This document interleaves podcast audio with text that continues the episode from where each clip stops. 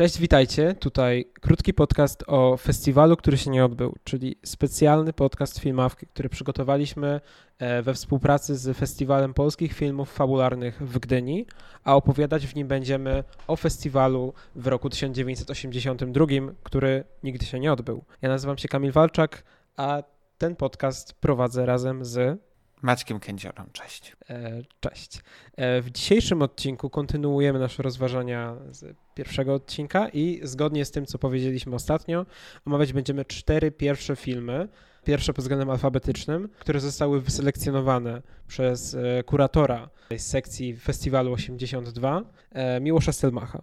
I będą to filmy, od razu zapowiem, Debiutantka, Dolina Issy, Ford 13 oraz Gry i Zabawy, a w przyszłym odcinku omówimy pozostałe cztery filmy. Także bez zbędnych przygotowań, bez zbędnych wstępów e, zaczniemy i zaczniemy, tak alfabetycznie wypada akurat debiutantka. Debiutantka to drugi film w karierze Barbary Sass, y, czyli jednej z najważniejszych reżyserek tamtych czasów. Trzeba pamiętać, że Barbara Sass była jedną z niewielu reżyserek, która tworzyła wówczas pełnometrażowe filmy. No to na palcach jednej ręki można byłoby je zliczyć. No to główną oczywiście nazwiskiem byłaby wówczas Agnieszka Holland. Pojawiałaby się też Ewa Petelska, y, no ale nie było reżyserek wiele, co zresztą sama Barbara Sass podkreśla, mówiąc o swojej drodze do stania się pierwszą reżyserką, mimo swojego wielkiego doświadczenia. Barbara Sass spełniła rolę drugiej reżyserki, tudzież współpracowała przy, jed...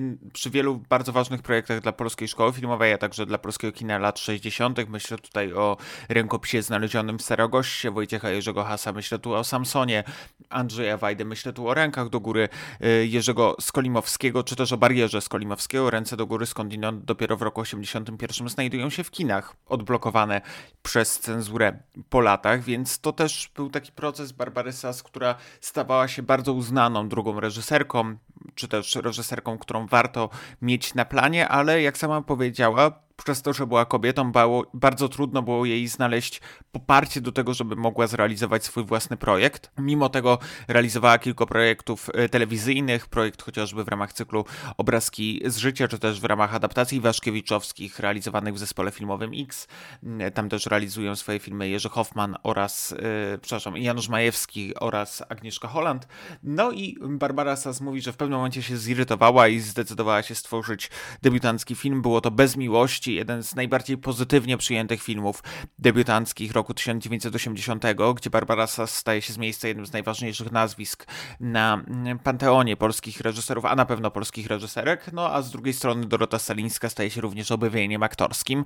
Barbara Sass tak bardzo lubi współpracę z Dorotą Stalińską, że zdecyduje się do niej przywrócić, powrócić również w drugim filmie, czyli właśnie w debiutantce opowieści o młodej architektce, która przyjeżdża do Gdańska w roku 1981, czyli w momencie, kiedy Solidarność również coraz bardziej negocjuje i coraz wa bardziej walczy o swoje prawa, o, o prawa NSZZ i o to, żeby pracownikom było jak najlepiej. Architektka musi się wtedy odnaleźć w nowej rzeczywistości, gdzie nad wszystkim piecze trzyma mistrz, który jest zamknięty w swojej willi, w swoim domu, mistrz architektury, grany przez Andrzeja Łapickiego, który ma bardzo bliską współpracowniczkę, graną przez Elżbietę Czyżewską, no i swoją żonę, którą bardzo źle traktuje i tak naprawdę całkowicie ją w pewien sposób dehumanizuje. Generalnie cała oś debiutantki kręci się wokół tego, że dostają zlecenie na wybudowanie muzeum, które tak naprawdę nikomu nie jest potrzebne, i które mogłoby stać się miejscem chociażby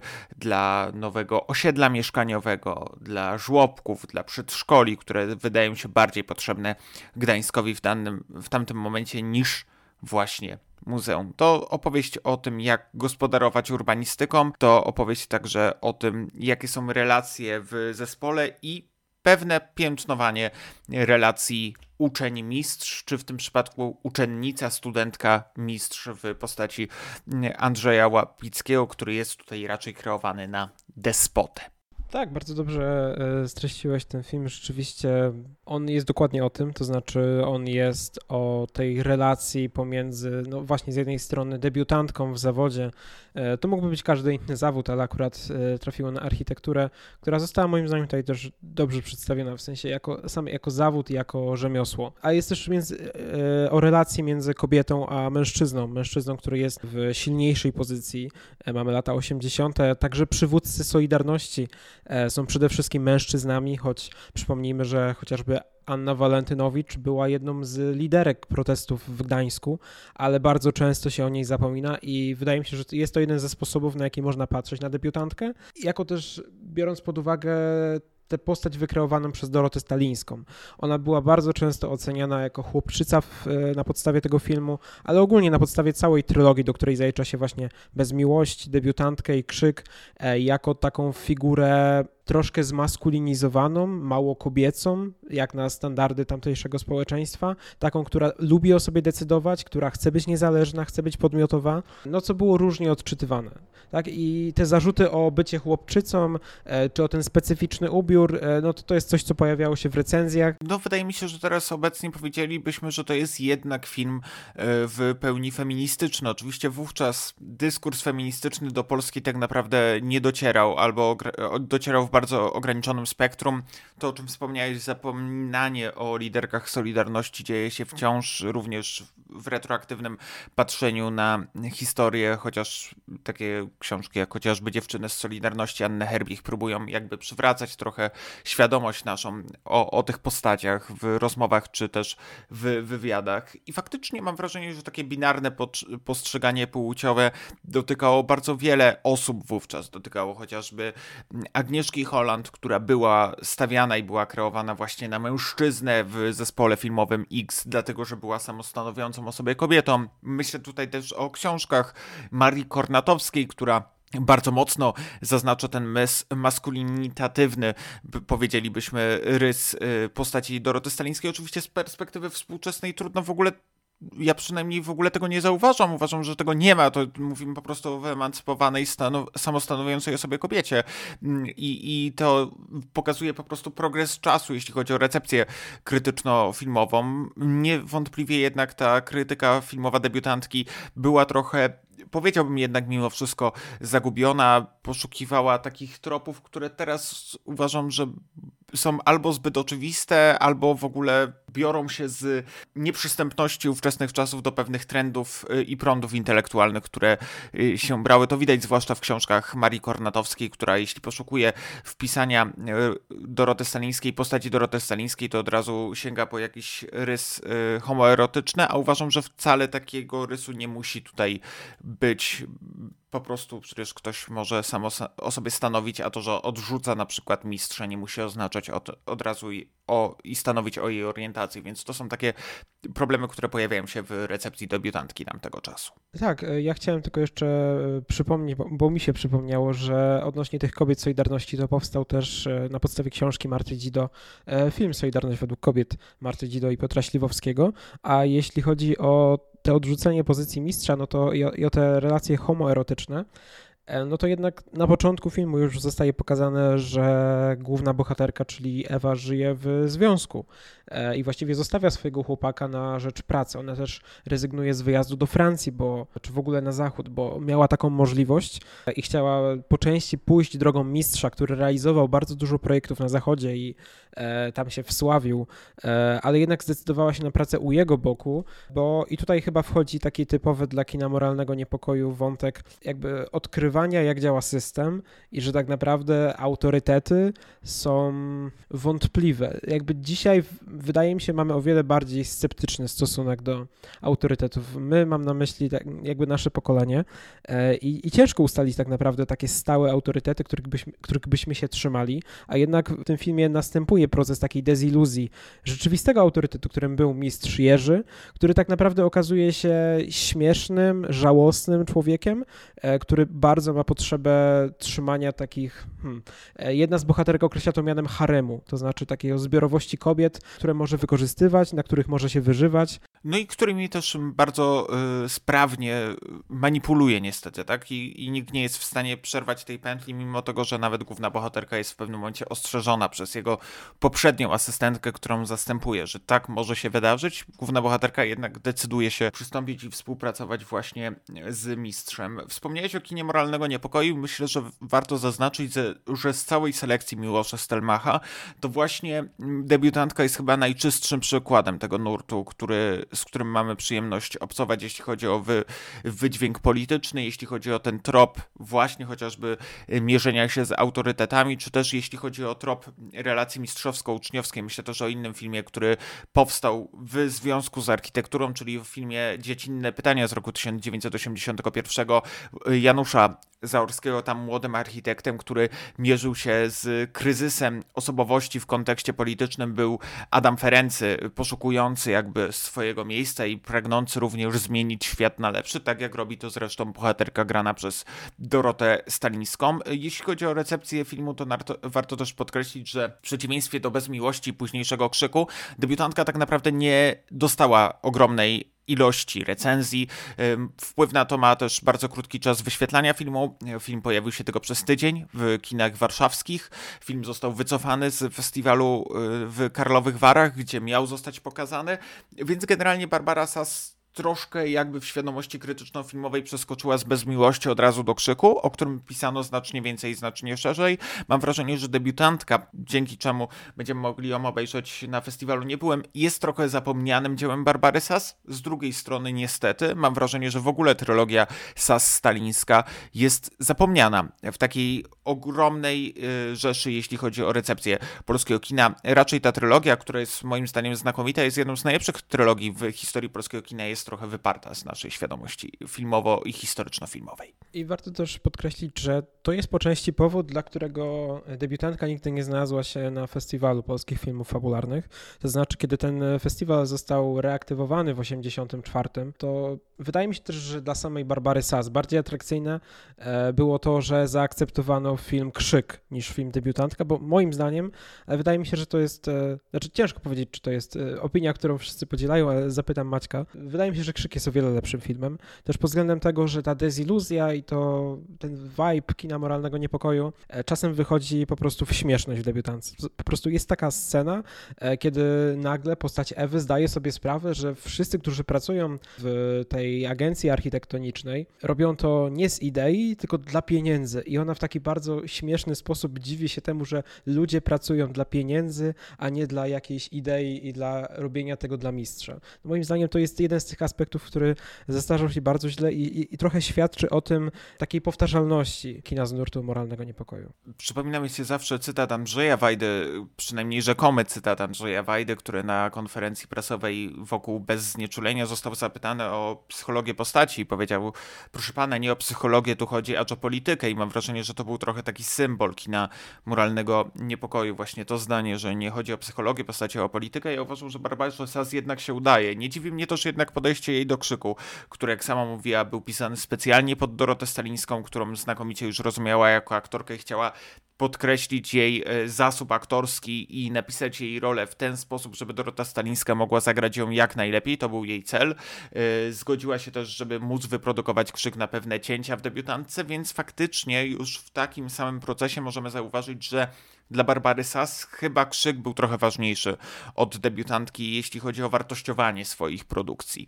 Ja jednak uważam, że debiutantka to jest jeden z, jeśli nie najbardziej spełniony, moim osobistym zdaniem z ośmiofilmowej selekcji, jaką mamy w tym roku na festiwalu Nie Byłem. Y, film, który znakomicie się wpisuje w swój czas, choć oczywiście, mimo tego, że Solidarność jest tu ważnym bohaterem filmu, niewątpliwie nie jest to film, który w pełni jest rozpolitykowany. Tak? To, to nie mamy do czynienia z w pełni w politycznym filmem, nie chodzi raczej o sprawę Solidarności, mimo że ona powraca, dlatego że akcja dzieje się w Gdańsku, dlatego że w tle pojawia się wątek tego, czy należy w ogóle budować muzeum w obecnym czasie, czy raczej nie ma ważniejszych rzeczy, które należy wybudować. To zresztą pytanie jest bardzo ważne, na które bohaterka Doroty Stalińskiej musi sobie również e, odpowiedzieć. Bardzo ciekawym jest natomiast tropem, który podsuwa Maria Kornatowska, że ten film jest trochę westernowy w tym kontekście, że Ewa Orzechowska jest tutaj symbolem takiej bohaterki sprawiedliwej, którą można było porównać do bohatera westernu, która przyjeżdża do nowego miasta, żeby wprowadzić w jakiś sposób porządek, a gdy jej się to nie udaje, to żeby być w zgodzie z sobą, to miasto opuszcza. I mówisz, że to jest taki westernowy trop, który był ważny w ogóle dla kina Solidarności. No to przychodzi chociażby trop w samo południe Freda Cinemana y, i sylwetka Garego Coopera, która stała się symbolem mm, na plakacie pierwszych wolnych wyborów Solidarności, więc być może ten trop westernowy, który, na który powołuje się Kornatowska, na który powołuje się także najważniejsza badaczka kina Barbary Sass, czyli Monika Talarczyk w swojej książce o twórczości reżyserki, jest ciekawym tropem i jest ważnym właśnie w kontekście debiutantki. Podoba mi się też w debiutantce taki brak mimo wszystko naiwności, mam wrażenie, y, który czasem w kinie moralnego niepokoju wybrzmiewał, czyli raczej to, że po prostu czasem nie da się zmienić rzeczywistości. Także, że nie wszystkich, nie wszystkie walki da się wygrać. No i to pokazuje Ewa Orzechowska, finalnie samotnie opuszczając Gdańsk. Wydaje mi się, że właśnie pewnym aspektem naiwności jest e, to, o czym ja mówiłem, to znaczy jej wiara w to, że ludzie powinni robić to dla samej idei i dla samego projektu, a nie dla pieniędzy. Co jakby świadczyłoby o takim, o tym, że jest taka debata, nie wiem, wśród klasy średniej, że dochodzi do momentu, kiedy nie obchodzą cię czynniki pragmatyczne i ekonomiczne, a na plan pierwszy wychodzą właśnie ideały e, i to, na czym ci naprawdę zależy. Wydaje mi się, że to trochę, jakby wiem, że to można odczytywać w szerszym kontekście politycznym i tak dalej, ale no jednak bardzo mnie raziło to swoją naiwnością. Mam jednak poczucie, że mm, te filmy stawiające protagonistkę w centrum kina, czyli myślę też o kobiecie samotnej Agnieszki Holland, pokazywały raczej taką złudność solidarności. Z jednej strony właśnie to jest taka idealny kontrast, tak? czyli z jednej strony kobieta samotna, która nie może sobie pozwolić na przystąpienie do solidarności, dlatego że nie ma na to środków, a z drugiej strony pełna idealistka, którą jednak mm, reprezentuje Dorota Stelińska. Ale czy też, to też pytanie, czy wiesz, czy pod wpływem emocji, czy pod wpływem y, relacji z mistrzem nie można tych ideałów zmienić, bo w pewnym momencie te ideały się trochę zmieniają tak? I mamy taki szaftaż tymi ideałami pod wpływem jakichś emocji, gdy ona na początku chce, żeby to muzeum wybudowano, później chce z tego zrezygnować. Ja bym jeszcze e, wspomniał, jeśli chodzi o Solidarność, postaci Jerzego, dlatego że ona wydaje się tutaj trochę niejednoznaczna. Jerzego to znaczy mistrza. Ja bym przywołał taką jedną jego wypowiedź, e, to jest e, tylko, że ja w ciągu 30 lat pracy, ja jeden nie mam na swoim koncie żadnego szwindla, żadnego knota i o tym wszyscy wiedzą. Jeśli nie mogłem się z czegoś dobrze wywiązać, jeśli nie byłem w zgodzie z własnym sumieniem, to po prostu tego nie robiłem. Nawet jeśli próbowali mnie przekupić, nawet jeśli ofiarowywali za to wielkie pieniądze. Tutaj Jerzy jawi się jako taka postać trochę poza tym dyskursem Solidarności, bo on też mówi, o, komentując te wydarzenia, dlatego że ta rzeczywistość e, dzieje się no, nie tylko na ulicy, ale na przykład widać ją w pomnikach. Na przykład pomnik poległych stoczniowców e, jest widoczny w jednym z kadrów i on mówi, że on to wszystko popiera, ale on tak naprawdę nie widzi szansy na trwałą zmianę, co wydaje się trochę prorocze względem tego, co się stało po zakończeniu produkcji. Też względem tego, jak on traktuje te bohaterki, które starają się jednak dążyć do tych swoich ideałów.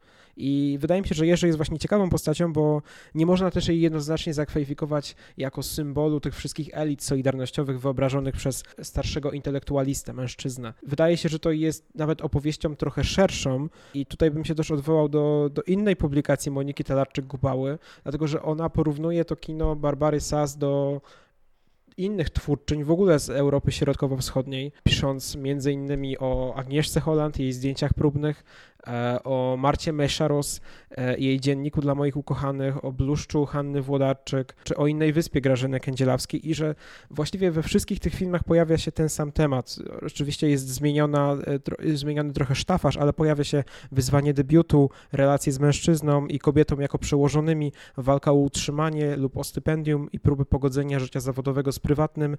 Jest chyba pewna zależność i pewna prawidłowość w tym kinie tworzonym przez kobiety w latach 70 i 80., że one musiały się z tym mierzyć i kręciły trochę filmy o tym, z czym musiały się mierzyć. I myślę, że ty też możesz to potwierdzić, bo e, badałeś trochę kino Agnieszki Holland i no chociażby zdjęcia próbne, one są na tyle autotematyczne, one wprost opowiadają o tej sytuacji. Wydaje mi się, że w ogóle twórczość reżyserek ówcześnie, też dlatego mam wrażenie, bardzo dużo reżyserek, myślę tutaj o Agnieszce Holland, myślę też o wypowiedziach Doroty Stalińskiej w kontekście kina Barbary unikało w ogóle sformułowania kina kobiecego, bo kino kobiece było traktowane jako coś pejoratywnego. Mówi Barbara Sass w jednym z wywiadów, że kino kobiece było wtedy utożsamiane wręcz z kinem dla młodzieży, czy też dla dzieci, że jeśli kobieta jest reżyserką, to właśnie musi dla tej grupy wiekowej tworzyć filmy. Więc uciekaliśmy trochę od kina kobiecego, w sensie reżyserki wówczas uciekało od miana kina kobiecego, uciekała także od tego Agnieszka Holland, mówiąc, że ona nawet nie odkryła wówczas jeszcze feminizmu.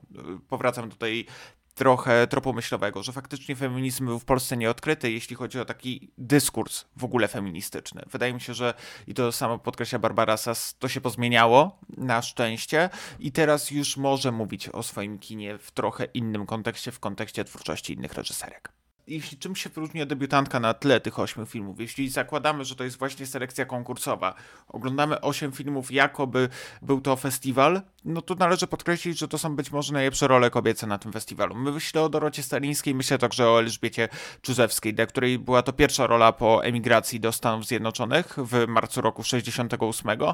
Elżbiecie Czyżewskiej, która na samym planie rzekomo miała e, złe relacje z Dorotą Stalińską, co też wzmagało antagonizm, który widzimy na ekranie, ale przede wszystkim jest to znakomita rola jednej z najważniejszych aktorek w historii polskiego kina. E, aktorki zapomnianej, aktorki, która jest raczej pamiętana obecnie przez dokumenty na temat jej demonów, czy, czy na temat jej problemów w Stanach Zjednoczonych, a nie przez jej talent, który w debiutance odkrywa w całości, tak? I, I, staje się jedną z najważniejszych i najciekawszych postaci, jakie wykreowano w ogóle, nie, nie dzieląc binarnie na role płciowe w selekcji festiwalowej, którą zaproponował Miłosz Stelmach. Wydaje mi się, że debiutantka właśnie, podobnie jak kino Barbary Sass, przez cały czas trwania kina Barbary Sass, biorąc pod uwagę też późniejsze filmy, czy to Na Pokuszenie, czy W imię Diabła, czy e, film Dziewczyny z Nowolipek, to pokaz tego, że kino Barbaresa było zawsze kinem aktorskim i to pokazują role zarówno Doroty Stalińskiej, jak i Elżbiety Czyżewskiej. Możemy przejść do kolejnego filmu, którym e, będzie Dolina Issy, czyli film Tadeusza Konwickiego, nakręcony na podstawie powieści Czesława Miłosza.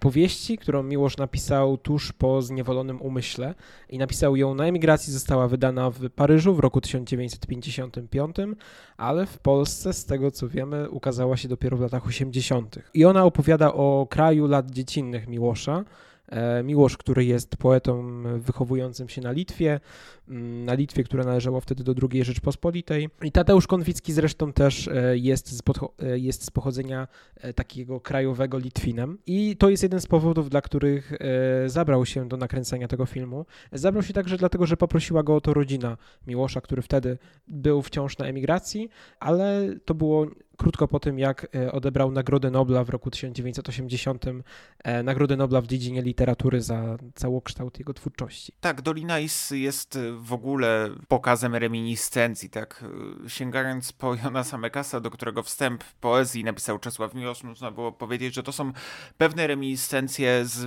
dorastania na Litwie. Różne wspomnienia, które łączą się nawet nie tyle w spójną całość, co po prostu w jakąś opowieść przepełnioną emocjami, pojedynczymi kadrami, pojedynczymi scenami e, wspomnień, które Konwicki kreśli i klei tak naprawdę w większym ładzie i składzie niż u samego Czesława Miłosza, ale nadal mamy tutaj pojedyncze impresje, które w jakiś sposób napędzają tę opowieść. No i mamy wątek łączący, czyli wątek Ameryki. Widzimy tam postać inspirowaną niewątpliwie Czesławem Miłoszem, który wspomina po prostu swoje dzieciństwo. Ja bym powiedział, że w sumie e, to, co napisał Miłosz, jest bardziej składne niż to, co robi Konwicki, dlatego że ta, ta, ta, ta, ta proza Miłosza jest taka bardzo rozpoetyzowana, a ona jest rozpoetyzowana w takim miłoszowym stylu, to znaczy mimo wszystkich inwersji i mm, składniowych sztuczek, jakie stosuje Miłosz, to to jest w miarę zrozumiałe i fabuła nawet w pewnym momencie staje się w miarę linearna i wydaje mi się, że da się odtworzyć wydarzenia, zrekonstruować to, co się stało w powieści. Z kolei jeśli chodzi o Konwickiego, to on stosuje e, adaptację, która nie jest jakoś super wierna temu, co pisał Miłosz. Też fun fact jest taki, że Miłosz nie czytał scenariusza Doliny Issy, czyli w pewnym sensie zaufał, e, że Konwicki zrobi to dobrze, ale no musiał zrobić to też po swojemu, bo Tadeusz Konwicki jest znany z tego, że jego filmy, które operują taką modernistyczną narracją, są dosyć skomplikowane i zawsze jest jakiś opór, e, kiedy próbuje się zrekonstruować to, co się stało i wydaje mi się, że w Dolinie Issy zachodzi właśnie ten przypadek, dlatego że jest to moim zdaniem bardzo trudny film. Trudny film do takiego linearnego zrozumienia. Myślę, że oddam tobie, e, tobie głos Maciek, bo, bo wiem, że masz e, bardzo stanowcze zdanie na temat tego filmu i może mógłbyś powiedzieć, czy, o czym według ciebie jest ten film? Tadeusz Konwicki, należy podkreślić, to w ogóle bardzo ciekawe, patrząc na ile Konwicki przeżył, ile Konwicki znaczy dla polskiego kina, jeśli patrząc na, patrząc na jego historię, to jest przedostatni film Tadeusza Konwickiego. Ostatnim będzie Lawa, czyli adaptacja Dziadów Adama Mickiewicza. To też powrót Konwickiego po wielu latach do kina. Konwicki był rozczarowany tym, że nie dostawał recepcji, że o jego kinie się nie pisało, że jego kino było skreślane jako kino outsiderskie, że musiał czuć się takim outsiderem polskiego kina, którego, którym on się nie chciał czuć, bo miał taką świadomość, że skoro jego literatura może doczekać się recepcji większej, to czemu nie mogą się doczekać filmy, które przecież obecnie, zdaniem wielu, są jedną z najciekawszych tropów i jedną z najciekawszych twórczości. Powiedzielibyśmy niekiedy modernistyczną, ja bym powiedział, że po prostu arthouse'ową w historii polskiego kina, myśląc tutaj o takich nieoczywistych filmach, jak chociażby Ostatni przed Doliną Issy, film Konwickiego, czyli Jak daleko stąd, jak blisko, czy też o, oczywiście o Salcie, czyli pewnym rozliczeniem z karierą filmową Zbigniewa Cybulskiego. Wydaje mi się, że Konwickiemu jest w Dolinie Issy chyba najbliżej do ostatniego dnia lata, w tym kontekście, że jest to film najbardziej szczery i najbardziej wychodzący z niego. Film, który faktycznie opowiada też o jego dzieciństwie w pewien sposób. I mam wrażenie, że on z Miłosza czerpie to, co w jakiś sposób nacechowuje również jego, gdy myśli o tym, jak dojrzewał, gdy myśli o kraju swojego dzieciństwa, a właściwie o ziemi swojego dzieciństwa dzieciństwa, to chyba będzie właściwsze słowo. Wydaje mi się, że Dolina Issy to dla mnie być może nie linearna fabuła, której ja tak naprawdę nie akceptuję i która mnie odrzucała, ale pojedyncze kadry czy pojedyncze historie, które się pojawiają w Dolinie Issy i to dla mnie film zawsze naznaczony już pięknymi zdjęciami Jerzego Łukaszewicza, który uważam, że w, po rekonstrukcji cyfrowej, która nie tak dawno została wykonana, bo w roku 2011 wyglądają jeszcze lepiej. Jest to przepiękny, malowniczy film, który opowiada o wspomnieniach, który ma w jakiś sposób przybliżyć twórczość Czesława Miłosza. Y, bowiem, jak pewnie wiecie, Czesław Miłosz został przekreślony tak naprawdę przez PRL, kiedy nie chciał wrócić w roku 1951 i generalnie w prasie polskiej o Czesławie Miłoszu pisało się tylko źle, do czasu Nobla, gdzie przez Odwilż i Karnawał Solidarności trochę Czesław Miłosz zyskał na uznaniu, dlatego też wydano kilka jego książek, w tym właśnie Dolinejs z roku 1981 w Warszawie została wydana ta książka.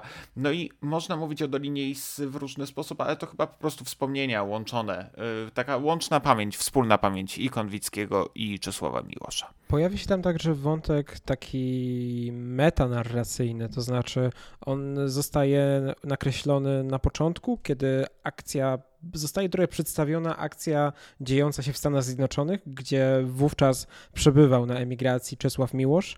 I w ciągu fabuły są takie momenty, kiedy aktorzy wychodzą wychodzą tak naprawdę ze swojej roli, wychodzą przed kamerę i recytują e, wiersze Miłosza. Są to wiersze takie jak e, Z okna, e, Słońce czy Dziecię Europy, czyli no jedne z najbardziej znanych wierszy Miłosza, które w jakiś sposób korespondują z tym, co się dzieje. I ostatni wiersz tak naprawdę, czyli wiersz Tak mało, wypowiada postać, która przypomina samego Miłosza. I wydaje się, że to powiązanie o którym ty mówisz, tego kraju lat dziecinnych między Miłoszem a Konwickim odbywa się. Ciężko powiedzieć, na ile to jest jak pamięć łączona, to znaczy nie wiemy, e, na ile te filmy są, na ile e, film Konwickiego jest autobiograficzny, choć no, bez wątpienia jest, bo wszystkie jego filmy takie są. I także to, że się wychowywał na Litwie, sposób portretowania przyrody, jak e, podkreśla w wywiadzie, którego wypis bibliograficzny zamieścimy w odcinku tego podcastu, on podkreśla, że tylko osoba, która pochodzi z Wileńszczyzny jest w stanie oddać to, co się tam dzieje. I właściwie Suwalszczyzna tutaj zostaje zamieniona na Wileńszczyznę, e, a nie Wiarza pełni rolę Issy, rzeki, która właściwie, to to akurat możemy wyjaśnić, Miłosz pisał o Issie w 1955, to on miał tak naprawdę na myśli niewiarze, która przepływa właśnie przez Suwalszczyznę i ta Suwalszczyzna bardzo dobrze imituje Wileńszczyznę. W ogóle mamy problem ze stwierdzeniem, kto jest bohaterem poza samą kamerą, ale mamy prowadzenie takiej mm, bardzo dziwnej wiwisekcji na tym organizmie tego kraju,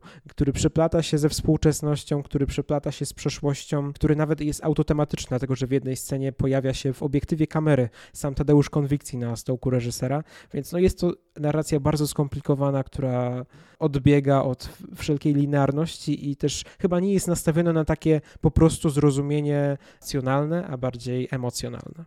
Zresztą to ciekawe, że to jest kolejny już reżyser, który się pojawia stricte na ekranie. Myślę tutaj też o Odwecie, o którym będziemy mówić w przyszłym odcinku. Tam Tomasz Zegadło, reżyser tego filmu, wyciąga jakoby widza na ekran i zaczyna go bić za to, że nie rozumie jego filmów. Wątek wprowadzający do Odwetu. Y, Konwicki też nie po raz pierwszy prowadza w ogóle postać reżysera. Postać reżysera jest też bardzo ważną częścią, jak daleko stąd, jak blisko, gdzie także pojawia się ekipa filmowa, kadr i kamerowanie tego, co się dzieje na ekranie. I wydaje mi się, że Dolina Issy przynajmniej dla mnie jest filmem, którym nie gubi, y, ale wydaje mi się, że tutaj większa znajomość twórczości Czesława Miłosza mogłaby być dobrą wskazówką do tego, żeby ten film lepiej zrozumieć, tak? Znacznie mniej przystępne adaptacje literatury niż które, które Konwicki prezentował jako pisarz. Myślę tutaj o Matce Joannie Oddaniołów, myślę tutaj chociażby też o scenariuszu do Austerii Kawalerowicza, to bardziej przystępne adaptacje te natomiast, które wyreżyserował, są znacznie bardziej wychodzące z niego, z jego mm, postawy, którą nazwalibyśmy reżyserią artystyczną, ale raczej takim strumieniem świadomości, które Konwicki wypuszcza zazwyczaj w swojej kinematografii i w którym musimy się po prostu odnaleźć albo spróbować. Ja tylko nadmienię jeszcze jedną rzecz. Niesamowite, jak Dolina Issy stała się filmem, który znacznie częściej był opisywany w recepcji krytyczno-filmowej przed premierą, bowiem przed premierą powstał esej Tadeusza Lubelskiego o, to, o tym, jaki to będzie film. Powstał esej Krzysztofa Mętraka dla kina o tym, jakim to będzie film. Po premierze oczywiście też ludzie wracali do Doliny Issy, ale chyba znacznie rzadziej i znacznie mniej intrygująco niż przed premierą, gdy zastanawiali się, jak będzie wyglądać adaptacja Miłosza. Rzeczywiście ten esej Tadeusza Lubelskiego jest taki bardzo zanurzony w, zarówno w twórczości jednego, jak i drugiego i eksploruje bardzo dużo ciekawych tematów, a wydaje się, że taki esej przydałby się na właśnie analizę samego filmu, bo Lubelski trochę, e, trochę spekuluje e, odnośnie tego, jak będzie wyglądała ta adaptacja i na przykład stawia sobie Tomaszka jako głównego bohatera i zastanawia się, w jaki sposób Konwicki to przedstawi, a tak naprawdę Tomaszek nie jest głównym bohaterem i nie jest narratorem ani fokalizatorem, jak to jest w Dolinie Issy Miłosza, gdzie ten świat jest właściwie widziany przez oczy tego młodego człowieka, a no tutaj nie mamy czegoś takiego. Mamy ten obraz bardzo zakrzywiony przez różne perspektywy. E, ja bym jeszcze wspomniał o takiej jednej kwestii, która jest bardzo ważna dla Doliny, Doliny Issy, dla obu autorów,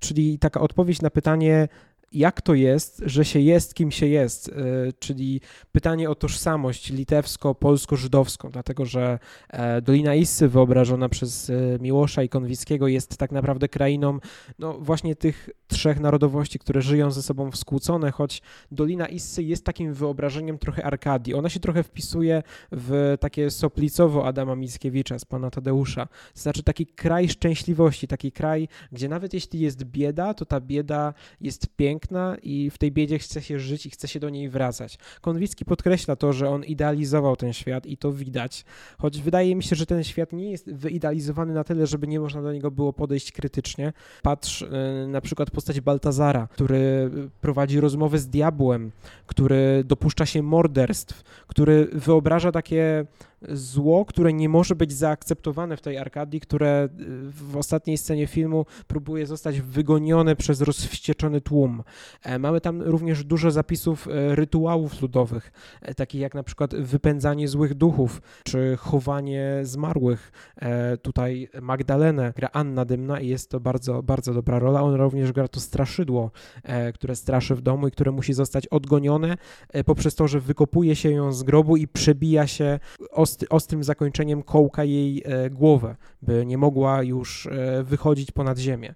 Więc zawiera się tam dużo takich rytuałów ludowych, dużo takich litewskich e, rzeczy, bo mamy sztandary, pieśni wykonywane po litewsku, więc te tożsamości się tutaj bardzo na siebie nachodzą i jest to też jeden z tych wątków, który ja się na przykład w ogóle z tym w recenzjach nie spotkałem. Jeśli byśmy patrzyli, znów powracam do tej myśli, która uważam, że jednak przy festiwalu nie byłem powinna być, czyli patrzymy na te osiem filmów jako festiwal. Też niesamowitym byłoby, gdyby ten festiwal się odbył, jakbyśmy oglądali rymowanie się między kilkoma filmami, nawiązującymi też do tej romantycznej myśli, czyli właśnie przebijanie kołków, straszydła, a chociażby kołków, które pojawiają się i istoty przebijania kogoś kołkiem w Wilczycy. Marka Piestraka, która też jest częścią e, tegorocznej selekcji. Dla, dlaczego ten film nie znalazł się nigdy na festiwalu w Gdyni? Jeśli miałbym przypuszczać, ale nie mam tu potwierdzenia, po roku 81 i wprowadzeniu stanu wojennego, jednak postać Czesława Miłosza stała się znów problematyczna. No to była postać związana bardzo mocno z kulturą paryską, jeden z najważniejszych działaczy tak naprawdę literatury opozycyjnej, który nie był nigdy na rękę władzy. Więc wydaje mi się, że jednak celebrowanie jego twórczości, postać, która pojawia się w Ameryce, tak, jakiś apel o wolność, jakiś apel o powrót do tego dzieciństwa, do tego wyzwolenia, do tej krainy szczęśliwości raczej w... nie był po drodze. Zwłaszcza, że Tadeusz Konwicki jako scenarzysta się przecież na festiwalu y, pojawił w roku 80 1994 jako scenarzysta filmu, który wygrał, czyli jako scenarzysta Austerii Jerzego Kawalerowicza, filmu, który chyba znacznie bardziej był na rękę władzy. To rzeczywiście ma dużo sensu, zwłaszcza biorąc pod uwagę tę postać, tę postać Czesława Miłosza i, i tą, jaką miało rolę po prostu. W ogóle w całej historii PRL-u, taką trochę nieobecną, ale cały czas pojawiającą się w kulturze polskiej. Warto jednak wspomnieć, że Dolina Issy nie musiała wcale aż tak długo na premierę czekać. W sensie to nie był film, który bardzo długo na półkach leżał. Film wyszedł w roku 82 na ekrany kin. E, to, że nie dostał takiej recepcji wielkiej, jakiej nie dostał, może być też skutkiem tego, o czym wspomina w swojej książce Tadeusz Lubelski, że był apel do czasopism filmowych, żeby zajmować się raczej filmami gatunkowymi w sposób najszerszy, e, niż właśnie filmami, które w jakiś sposób można byłoby wpisać w na, e, w narrację, czy też w teorie opozycyjne, które nie były zbyt pożądane po, stanie, po wprowadzeniu stanu wojennego. Następnym filmem na naszej liście jest Fort 13 Grzegorza Królikiewicza, czyli reżysera, który debiutował 10 lat wcześniej e, filmem na wylot. Stworzył także Tańczącego Jastrzębia, Jastrzębia Wieczne Pretensje, czy w 1981 roku film historyczny Klejnot Wolnego Sumienia.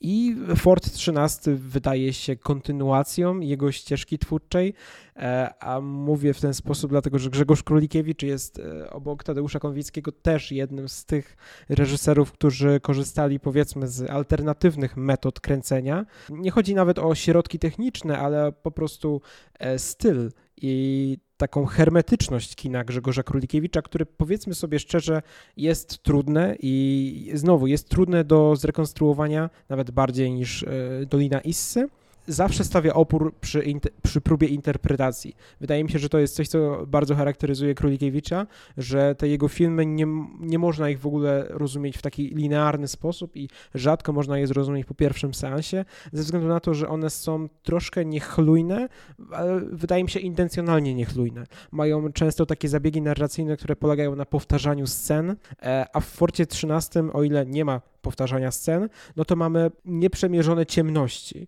Naprawdę e, ten film ogarnia bardzo duża ciemność, dlatego że ponad połowa fabuły dzieje się e, pod ziemią, e, w zawalonej fortecy, gdzie próbują walczyć o życie dwie postacie grane przez Janusza Krawczyka oraz Leona Niemczyka. I są to właściwie wydarzenia oparte na faktach, e, które pochodzą z I wojny światowej, kiedy w forcie przemyskim dwóch oficerów wojska rosyjskiego zostało uwięzionych na parę lat pod gruzami i zostali wydobyci dopiero około 7 lat później. Jak to zostało pokazane w filmie, została wydobyta tylko jedna z tych postaci i no, dla Grzegorza Królikiewicza był to pretekst, e, żeby trochę poeksplorować czym właściwie jest to człowieczeństwo, co stanowi o tym, że jedna z tych osób przetrwała, a druga popełniła samobójstwo. I jeśli chodzi o Fort 13, to streszczenie tego filmu nie jest aż tak skomplikowane, ale zastanowienie się nad tym, co jest w środku, już tak. Warto też pamiętać, że Grzegorz Królikiewicz, co też podkreślał Mirosław Przylipiak w swojej recenzji Fortu 13, która ukazała się w kinie, e, był autorem pracy dyplomowej o narracji pozakadrowej, czyli o tym, że to, co dzieje się poza kadrem jest równie ważne od tego, co się dzieje pod kadrem, że kamera jest tylko jednym punktem widzenia, a film dzieje się w 360 stopniach. Promotorką tej pracy była Maria Kornatowska, no i Grzegorz Królikiewicz próbował implementować tą dosyć radykalną postawę artystyczno-estetyczną do swoich filmów w różny sposób. Warto też wspomnieć, że bardzo często zdjęcia u Królikiewicza są zaburzone, ale są świadomie zaburzone, jeśli chodzi o konstrukcję linearną. No myślę tutaj chociażby o nagrodzonych zdjęciach do na wylot y, autorstwa Bogdana Dziworskiego, który stworzył jakąś własną wersję tego, jak powinien, powinny wyglądać filmy, jak powinna wyglądać rzeczywistość wewnątrzkadrowa i wewnątrzfilmowa, więc to jest bardzo intrygujące, jak Grzegorz Królikiewicz podchodził do swojego filmu, ale znów mam wrażenie, że musimy o Grzegorzu Królikiewiczu i o Forcie 13 powiedzieć w kontekście kina radykalnie artystycznego, które Grzegorz Królikiewicz tworzył, kina w pełni osobnego, bowiem nie było wcześniej ani później twór, twórcy takiego jak Grzegorz Królikiewicz w polskim kinie. Wydaje mi się, że taką myślą, która przyświeca także w Forcie 13 jest zdanie końcowe jego pracy dyplomowej, które teraz przytaczam za teorią praktyki, której można znaleźć kilka prac dyplomowych studentów łódzkiej filmówki, w tym Grzegorza Królikiewicza.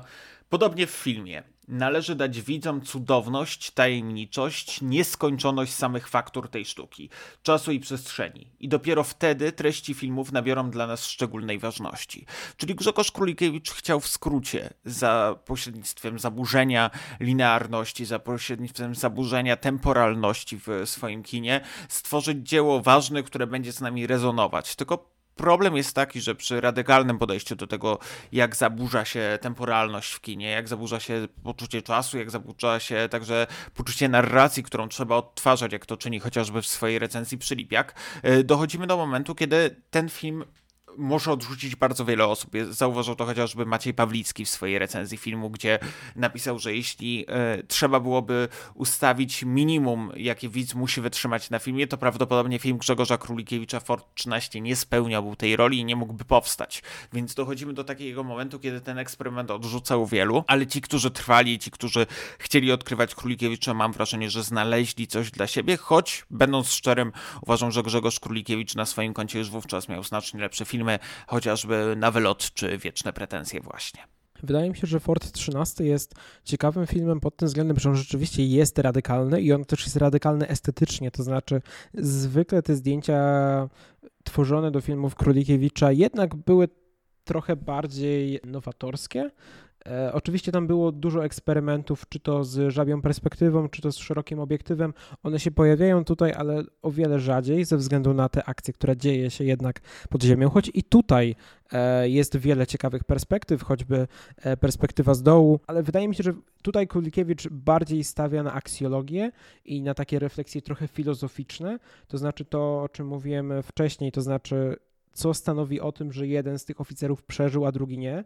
I bardzo mi się podoba ta interpretacja Mirosława Przylipiaka z recenzji w kinie, bo ona trochę, wydaje mi się, idzie tym tropem, którym powinno się iść analizując filmy Królikiewicza, e, czyli tak trochę szukając, e, szukając dziury w tych wszystkich dziurach i szukając całości w tych wszystkich dziurach, bo to, że to stawia opór, to wiadomo, i że są to filmy nieprzystępne, to, to jakby też wiadomo, ale wydaje mi się, że to nie są filmy, które nie mają sensu i które jednak mają dużo pozostawianych takich tropów, którymi warto podążyć i których odnalezienie jest w końcu e, gratyfikujące. Przetrwanie jednego z tych oficerów, granego przez Janusza Krawczyka, wynika z tego, że on zaczął w pewnym momencie pisać dziennik. Na początku obo, obaj właściwie działali w taki sposób bardzo instynktowny, e, zbierali świece, zbierali konserwy, e, próbowali się wydostać, ale w końcu musieli się poddać, dlatego że okazało się, że nie ma jak wyjść z tego fortu, ale okazało się też, że te konserwy i woda i świece starczą tak naprawdę na kilka lat życia, ale pytanie, jakie to będzie życie? I właśnie jeden z nich zaczął pisać pamiętnik, zaczął pisać właściwie dziennik, próbując też w jakiś sposób skonceptualizować czas. Żeby mieć jakieś poczucie upływającego czasu. Potem okazuje się, że w zły sposób to obliczył i tak naprawdę zaburzyła mu się przez to percepcja, ale on miał jakiś cel. I, i on też postulował takie w swoim dzienniku, w jednym z zapisków czytamy: Musimy żyć inaczej, żyć nadzieją. Też bardzo często w filmie Królikiewicza wykorzystany jest taki zabieg, że mamy najazd kamery na, a właściwie kadr e, kamery przedstawiający zapiski z jego pamiętnika. I to jest przedstawione zamiast rozmowy między tymi oboma oficerami. Na przykład w jednym z nich e, jest napisane: Opowiedzieliśmy sobie wszystkie nasze tajemnice, rzeczywiste i urojenia, skrytykowaliśmy wszystkie przeczytane książki i dzieje świata to jest tyle. O, nie, nie zostaje nam pokazane, jak oni rozmawiają o tym, dlatego że Ford 13 skupia się przede wszystkim na tym, żeby pokazać, w jaki sposób dochodzi do z jednej strony degrengolady i tego zupełnego upadku człowieczeństwa w postaci Leona Niemczyka, a z drugiej strony, jak postać Janusza Krawczyka może zostać znobilitowana poprzez to, że właściwie odnajduje człowieczeństwo w izolacji, w odrębności od innych ludzi, co jest, no, jak podkreśla Filip, jak wybitnie niehumanistyczne, ale jest moim zdaniem strasznie ciekawą perspektywą, e, która pokazuje, że człowieczeństwo nie musi się realizować przez innych ludzi, że można je odnaleźć w samym sobie i to też pokazuje ta ostatnia scena, kiedy w końcu e, postać Janusza Krawczyka zostaje wyjęta e, przez robotników z tej fortecy i wypowiada on hasło wypowiada je w ogóle w wielu językach angielskim, hiszpańskim, włoskim, niemieckim. Nie mordujcie szczurów. Jeśli rzeczywiście skupić się na tym, na tych tropach, które podsuwa nam Królikiewicz, to te szczury, które otaczają postać Janusza Krawczyka, wyobrażają właśnie to społeczeństwo ludzkie, dla którego są ersacem. Te, te szczury, te, inne organizmy żywe, z którymi współżyjemy, y, z którymi współżyjemy, wyrażają no, tę esencję człowieczeństwa, której poszukuje Królikiewicz w tej izolacji. I wydaje mi się to strasznie ciekawy trop, który, jakby przypominam, e, poruszył e, Przylipiak i moim zdaniem świetnie to zanalizował i do którego warto wracać i to jest film, który ze względu na takie rzeczy właśnie e, we mnie rośnie, bo e, zresztą przyznam się, że często tak mam z filmami Królikiewicza, że one we mnie rosną, dlatego że pierwszy seans jest bardzo bolesny, ale później jest tylko lepiej. W książce Miłosza Stelmacha Przeczucie końca, modernizm, późność i polskie kino Grzegorz Królikiewicz zostaje wymieniony właśnie jako jeden z prominentnych przedstawicieli tego późnego modernizmu. Późnego ze względów no, właściwie chronologiczno-historycznych, to znaczy modernizm jest zwykle datowany na lata 60., ale w polskim kinie został wyróżniony w latach 70., także 80. I Grzegorz Królikiewicz jest takim modernistą. E, tutaj modernizm rozumiany jest poprzez takie alternatywne sposoby narracji, zwrócone trochę przeciwko takiemu standardowemu kinu scylazarowego, kinu moralnego niepokoju w przypadku polskim, które mają przekazywać pewne rzeczy, których nie da się e, przekazać w innym medium. Mają pokazywać tę autonomię języka kinowego. Także właśnie Miłosz Stelmach, e, kurator sekcji, opisuje, e, jak działa to kino Królikiewicza, jeśli chodzi o czas i przestrzeń. Po części też dobrze wpisuje się to w sekcje wyodrębnione przez niego filmy, e, wśród których właśnie znalazł się Ford 13, czy także zaliczany e, do późnego modernizmu e, film Tadeusza Konwickiego Dolina Issy. Ja tylko dodałbym, że parafrazując Konrada Eberharda z jego recenzji Jak być kochaną, to są filmy, które albo się w pełni kocha, albo się w pełni odrzuca i mam wrażenie, że ta fraza, która jest trochę startą krytyczną kliszą, ale jednak idealnie pasuje do kina Grzegorza Królikiewicza, więc mam wrażenie, że jeśli będziecie mieli okazję zobaczyć Ford 13 chociażby w Gdyni, no to od razu przekonacie się po pierwszych kilku minutach, czy to jest wasze kino, czy raczej kino, które całkowicie was odrzuca. To jest podobnie jak w większości przypadków nurtów arthouse'owych, tak? Czyli czy slow cinema nas od razu odrzuca, czy je przyjmujemy, czy też nie. Podobnie jest z kinem Grzegorza Królikiewicza i z jego metodą narracji pozakadrowej. W ten sposób możemy przejść do ostatniego, chyba najciekawszego pod pewnymi względami filmu, który będziemy dzisiaj omawiać, czyli do Gier i Zabaw Tadeusza Junaka. Filmu, który datę nakręcenia ma 1982, ale w kinach ukazał się y, nigdy. Miał co prawda swój pokaz w 2009 roku w kinie Charlie w Łodzi. Było tam spotkanie zarówno z Tadeuszem Junakiem, jak i współautorem scenariusza, a także byłym członkiem Polskiej Zjednoczonej Partii Robotniczej Maciejem Zedbordowiczem y, i członkami obsady. Ale do, po tym y, znowu słuch o tym filmie zaginął i tak naprawdę nie był on za bardzo wyświetlany. Był wyświetlony na początku e, tego roku w Krakowie. E, był wyświetlany przez Sebastiana Jagielskiego w ramach pokazów filmów kultury żydowskiej, ale no, rzeczywiście jest to film zupełnie nigdzie niedostępny i zupełnie nieodkryty. I tak naprawdę, jeśli chodzi o literaturę na jego temat, to także jest ona e, bardzo uboga jeśli mielibyśmy wymienić jakąś jedną większą pozycję, to, byłyby to, to byłaby to właśnie książka Sebastiana Jagielskiego. Zresztą, jak Sebastian Jagielski pisze w Przerwanych Emancypacjach, y, bardzo dużo mitów narosło wokół gier i zabaw. Tak naprawdę ten film po prostu przepadł. Nie wiadomo tak naprawdę do końca dlaczego. Reżyser nie wiedział dlaczego, obsada nie wiedziała dlaczego. Y, niektórzy powiedzieli, że ze względu na komisję kolaudacyjną być może nie został dopuszczony, dlatego że nie wszystko tam wyszło, no bo faktycznie należy podkreślić, że to nie jest film perfekcyjny, to nie jest film idealny, tam nie wszystko wyszło, aktorzy są świadomi, że na przykład te sceny aktorskie, grupowe, gdzie bardzo dużo aktorów było niedoświadczonych i nieprofesjonalnych, wyszły dosyć chaotycznie, ale z drugiej strony trudno zrozumieć, dlaczego ten film przepadł. Sam Tadeusz Junak tak naprawdę nie wierzył, że ten film kiedykolwiek powstanie. Myślał, że jedyną kopię, która została zachowana, zniszczono, więc stwierdził, że nie ma nawet co walczyć o ten film. Aktorzy nie nagrywali postsynchronów, no bo dowiedzieli się, że film jest katastrofą i nie ma powodu, żeby wracać w ogóle i nagrywać postsynchrony, bo nigdy nie uży światła dziennego. No i ujrzał tylko raz w kinie Galerii Charlie w 2009 roku, no i teraz podwójnie. Jest też kwestia tego, jaki stosunek miał do tego sam Tadeusz Junak, bo w wywiadzie e, z 1987 roku w Dzienniku Łódzkim z Renatą Saz, on mówił następujące rzeczy. Na fali przełomu lat 70. i 80. zrobiłem gry i zabawy o sposobie życia młodzieży prominenckiej i robociarskiej. Zagrał entuzjazm. Film znalazł się na półce. Potem, gdy zaczął się okres odblokowywania, wcale nie walczyłem o ten tytuł.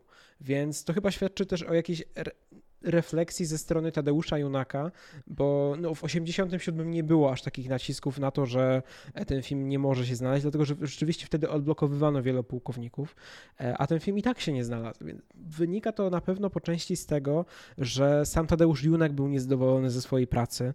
E, no, biorąc pod uwagę jego wcześniejsze i późniejsze dokonania, to ten film rzeczywiście średnio wpisuje się w to, co on robił. To znaczy w latach 70. zajmował się filmami telewizyjnymi, takimi jak na przykład Próba ciśnienia, i były to filmy trochę też z pogranicza kina moralnego niepokoju, to znaczy one przedstawiały pewne dylematy moralne i etyczne bohaterów, e, a w swoim kinowym debiucie, w filmie Pałac na podstawie powieści Wiesława Myśliwskiego, również dosyć ciężka powieść do e, zaadaptowania, no, popisał się moim zdaniem bardzo takim, takim modernistycznym sznytem, bo rzeczywiście jest to bardzo ciekawa narracja wyobrażeniowa o tym, jak chłop z pańskiej wsi wyobraża sobie, jak wyglądałoby jego życie, gdyby to on był panem i gdyby to on narzucał swoje zasady. I rzeczywiście e, jest to bardzo dobry film, film, który zdobył wielkiego Jantara e, na konszalińskich spotkaniach filmowych w roku 80, ale który zupełnie nie zapowiadał tego, że potem Tadeusz Junak nakręci gry i zabawy.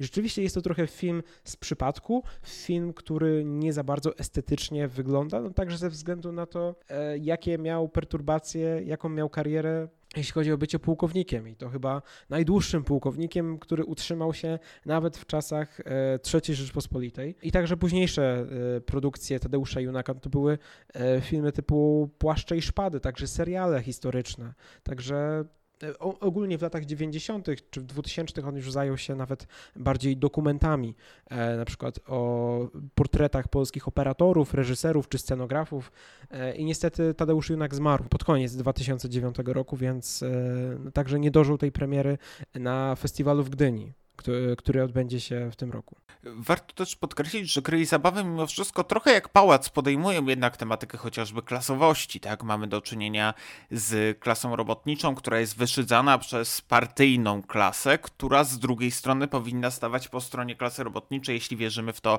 że interes PZPR był spójny z interesem klasy robotniczej. E, warto też podkreślić, że sam film dzieje się 27 sierpnia roku 1980, na chwilę przed podpisaniem porozumień sierpniowych w roku 1980. Data jest nieprzypadkowa. Niektórzy uważali, że to jest odpowiedź na film Człowiek z żelaza, że Junak nie zauważa tej jedności. Na spotkaniu kolaudacyjnym Krzysztof Koźniewski mówił, że jest to opozycja dolewająca oliwy do ognia. Wprowadza ona elektryczność do atmosfery społecznej, która jest bardzo naładowana. Czyli duża ilość osób bała się tego filmu pod względem tego, że zaogni relacje społeczne, zaogni to, co jest, to, co dzieje się już wówczas w społeczeństwie, zwłaszcza po wprowadzeniu stanu wojennego. Zdjęcia ukończono w marcu roku 1982, dlatego, że było bardzo duże ryzyko względem tych nieporozumień między linią partyjną a linią robotniczą. Mamy nawet scenę, gdzie robotnik jest jakby wyszydzany za, za swoje pochodzenie. Mamy scenę, gdzie syn konfrontuje ojca ze względu na jego tożsamość partyjną, mamy rozliczenie z ubecją, e, mamy rozliczenie z stalinizmem, e, też bardzo mocne w grach, w grach i zabawach, więc wydaje mi się, że tam linii, które obiera Junak jest bardzo wiele. Jest to bardzo wiele linii, które może można było jeszcze odebrać w erze Karnawału Solidarności jako film, który trochę wstrzymywał fanfary, które wybuchały przy e, Człowieku z żelaza Andrzeja Wajdy, jeśli chodzi o jego wartości polityczne, jeśli chodzi o wiarę w jedność, e, ale z drugiej strony mam wrażenie, że film Tadeusza Junaka, mimo że bardzo ciekawy i uważam, że jeden z najciekawszych politycznie, jeśli chodzi o selekcję festiwalu niebyłego, no to jednak film, który e, nie miał szans na premierę w ówczesnych czasach. I to był film, który w momencie wprowadzenia stanu wojennego, podobnie jak przesłuchanie Ryszarda Bugajskiego czy Matka Królów Janusza Zaorskiego, musiał trafić na upółkę ze względu na swoje wartości polityczne. O tym zresztą wspominał minister kultury w wywiadzie z filmem, wskazując gry i zabawę jako przykład filmu, który po prostu nie miał racji bytu w nowej rzeczywistości filmowej. Rzeczywiście jest to film, który no nie mógł się wtedy znaleźć e, w dystrybucji kinowej, ale chyba w przeciwieństwie do przesłuchania też nie mógł się znaleźć później ze względu na złe przyjęcie takie estetyczne. To znaczy, on ogólnie był uznawany za film nieudany, więc chyba to też jest jeden z tych dodatkowych powodów, dla których on się nie znalazł ani w dystrybucji, ani też Junak wydaje się, nie walczył o niego e, w jakiś przekonujący sposób i ten film trochę znalazł e, się w takim statusie widmo. Ale wydaje mi się, że warto jednak o nim porozmawiać, skoro już go widzieliśmy i wy będziecie mieli okazję go zobaczyć, e, bo jest to jednak film mimo swoich, no mimo swoich minusów i mimo swoich wad, licznych nieudolności takich realizacyjnych powiedzmy, o, niektórych wspominał Maciek, jeśli chodzi o tych młodych aktorów nieprofesjonalnych, no to to jest jeden z wątków, to znaczy młodzież bananowa, synowie synowie i córki partyjnych prominentów, e, którzy tak naprawdę korzystają w sposób znaczny, e, to znaczy mieszkają w willi z basenem, spraszają e, swoich kumpli, piją drogie alkohole z barku, po prostu mogą sobie pozwolić na o wiele więcej niż mniej uprzywilejowana klasa robotnicza, którą wyśmiewają wprost. Jeden z bohaterów e, o imieniu Zbyszek, który zostaje wezwany do służby wojskowej, zostaje wyśmiany właśnie z tego powodu. Musi iść do wojska, a oni z łatwością mogą się pozbyć tej odpowiedzialności, choćby ze względu na kontakty i układy, e, w jakich znajdują się ich ojcowie. Wyraża to też pewien resentyment, dlatego że e, pojawia się też wątek Edzia, granego przez Tomasza Zaliwskiego i jego porachunków z no, jednym z najważniejszych osób w partii, a przynajmniej jeszcze Zagierka, to znaczy jeszcze przez te parę dni, które dzieją się w filmie, czyli Leo, postać Leona Niemczyka. Postać Leona Niemczyka miałaby być SB-kiem, który torturował e, postać Zaliwskiego e, i Zaliwski chce się na nim odegrać, e, choćby przez to, że był gnębiony w sposób niesprawiedliwy. Jak się okazało, była to pomyłka, ale on w zamian dostał bardzo lichą odpłatę, a Leon Niemczyk mógł się dorobić i wybudować swoją willę z basenem i ogólnie zapewnić swoim dzieciom i samemu sobie dobrą przyszłość, na co nie mogli liczyć osoby, które nie były związane z partią. I wydaje mi się, że tutaj jest ten ważny wątek, o którym mówiliśmy, jak pisaliśmy ze sobą jeszcze przed e, nagraniem podcastu, że to dobrze pokazuje taki wewnętrzny klasizm e, partii, która ma być robotnicza, jakby ze swojej nazwy, a tak naprawdę okazuje się, że jest immanentnie skorumpowana i tak naprawdę liczy się sama elita intelektualna i to, jaki ona status reprezentuje, a nie to, kogo reprezentuje. Warto też podkreślić, że w scenach, które się pojawiają, gra, jak już wspomniałem, dużo aktorów nieprofesjonalnych, a nie to nie jest Konstans, gra chociażby y, Hanna Bieluszko, która pojawiała się w barwach ochronnych y, Krzysztofa Zanussiego, czy też w nauce latania Sławomira Idziaka pojawia się Małgorzata Potocka, jedna z bardziej rozpoznawalnych aktorek y, późniejszych lat. Mm, wydaje mi się, że to jest takie połączenie z jednej strony właśnie aktorów nieprofesjonalnych, których Junak testuje, jeśli chodzi o młodych, jeśli chodzi o tych bardziej doświadczonych, sięga po nazwiska uznane, Niemczyk, czy też Emil Karewicz, który gra tutaj y, wysoko postawionego partyjniaka, który w jakiś sposób konfrontuje się z mm, bohaterem granym przez Leona Niemczyka i wydaje mi się, że to jest taki horyzont, który przez, y, przez który Junak przechodzi, też horyzont jeśli chodzi o doświadczenie, jeśli chodzi o prowinencję. I wydaje mi się, że to jest film bardzo intrygujący właśnie w tym kontekście, o zastanawiający się nad różną, różnym typem prowiniencji, nad tym, jaka jest tak naprawdę tożsamość, jaka jest tak naprawdę ideologia, jaki jest y, clue tego, do czego zmierza PZPR, bo tak naprawdę jest to ciekawy wątek filmu, y, który powstaje w tamtym okresie, który nie skupia się na Solidarności, mimo że tam pojawia się w tle Solidarność jako opozycja i tego, że y, syn y, Zbyszka myśli o tym, żeby przejść do strony opozycji. I mamy opowieść nie o tym, co dzieje się po drugiej stronie barykady, o którym opowiadało większość filmowców, czyli myślę tutaj o Andrzeju Wajdzie, Agnieszce Holland, Barbarze Sass, czy też o osobach, y, o których będziemy mówić jeszcze później w kolejnych odcinkach podcastu, a opowiada o relacjach w partii, to co się dzieje w PZP, że to perspektywa, która była bardzo nieobecna wówczas, w czasach karnawału Solidarności w polskim kinie i bardzo też intrygująca moim zdaniem. Poza tym w filmie zostaje przedstawione bardzo dużo takich scen, które były jednymi też z powodów, dla których ten film się nie znalazł w dystrybucji. E, to znaczy były to sceny negliżu, e, takiego dosyć bezpruderyjnego seksu, przekleństw. Były również parodystyczne czytanie pism e, z książek marksizmu, leninizmu właśnie przez tę bananową młodzież. Było traktowanie tych robotników jako takiego elementu, czy jak nazywają materiału socjologicznego. No pojawia się dużo takich wątków, które są dosyć drażliwe dla cenzury, co też widać w tej kolaudacji, którą wspomina e, Sebastian Jagielski w swojej książce. Co ciekawe jednak dużo e, osób powoływało się też na filmy kontrkulturowe, które mogłyby inspirować Junaka. Pojawia się na przykład na tej kolaudacji wspomnienie, że film przywołuje na myśl mechaniczną pomarańcze Stanleya Kubricka. E, pojawia się też taka myśl i w ten sposób Grzegorz Królikiewicz, który e, był jakby producentem tego filmu, dlatego że film powstał w zespole filmowym Annex, próbował bronić tego filmu ze względu na to, że uważał, że potrzebujemy obrazoburczych filmów, które odrzucą widownię, ale widownia zrozumie, czemu ich e, te filmy odrzuciły. Mamy też tam scenę chrztu chociażby i y, chrzczenia. Więc to są bardzo intrygujące wątki.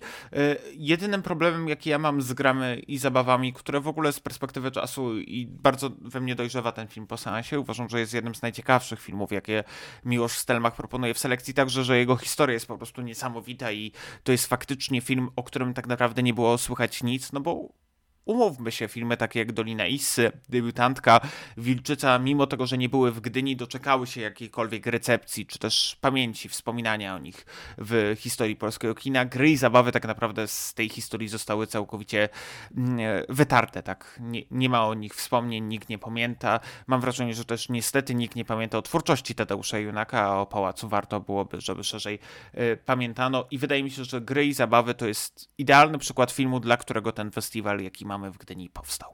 Ja bym jeszcze wspomniał e, bardzo ciekawy wątek, który pojawia się na samym końcu. Właściwie zakończenie tego filmu, które moim zdaniem e, właśnie sprawia, że ten film po seansie zaczyna rosnąć. To znaczy, to jest ta konfrontacja między Edziem a mm, postacią e, Leona Niemczyka, w której Edzio mówi: W tej szerokości geograficznej każdy wasz koniec jest zawsze jakimś początkiem tym bardziej profetyczne słowa, jeśli wziąć pod uwagę, jak wyglądał proces polskiej transformacji. I w jaki sposób przebiegała zmiana elit. I to zmiana elit nie tylko właśnie na przełomie lat 70. i 80., bo do tego odnosi się postać Edzia. To znaczy, jak zmieniały się elity gierkowskie na elity z czasów Kani i Jaruzelskiego, ale też jak zmieniały się elity polskie na przełomie lat 80. i 90. Na sam koniec tego filmu, e, podobnie jak na samym początku, wybrzmiewa jeszcze ta pieśń Gdy Titanic płonął, e, czyli bo gdy Titanic tonął, to też orkiestra grała, bo gdy Titanic tonął, to też był pełen szpan. Dowódca miał do końca koszulę śnieżno-białą, a, parła, a para szła za parą w tan. Co też jakby przedstawia, że te elity do końca będą próbowały utrzymywać swój status i robić dobrą minę do złej gry.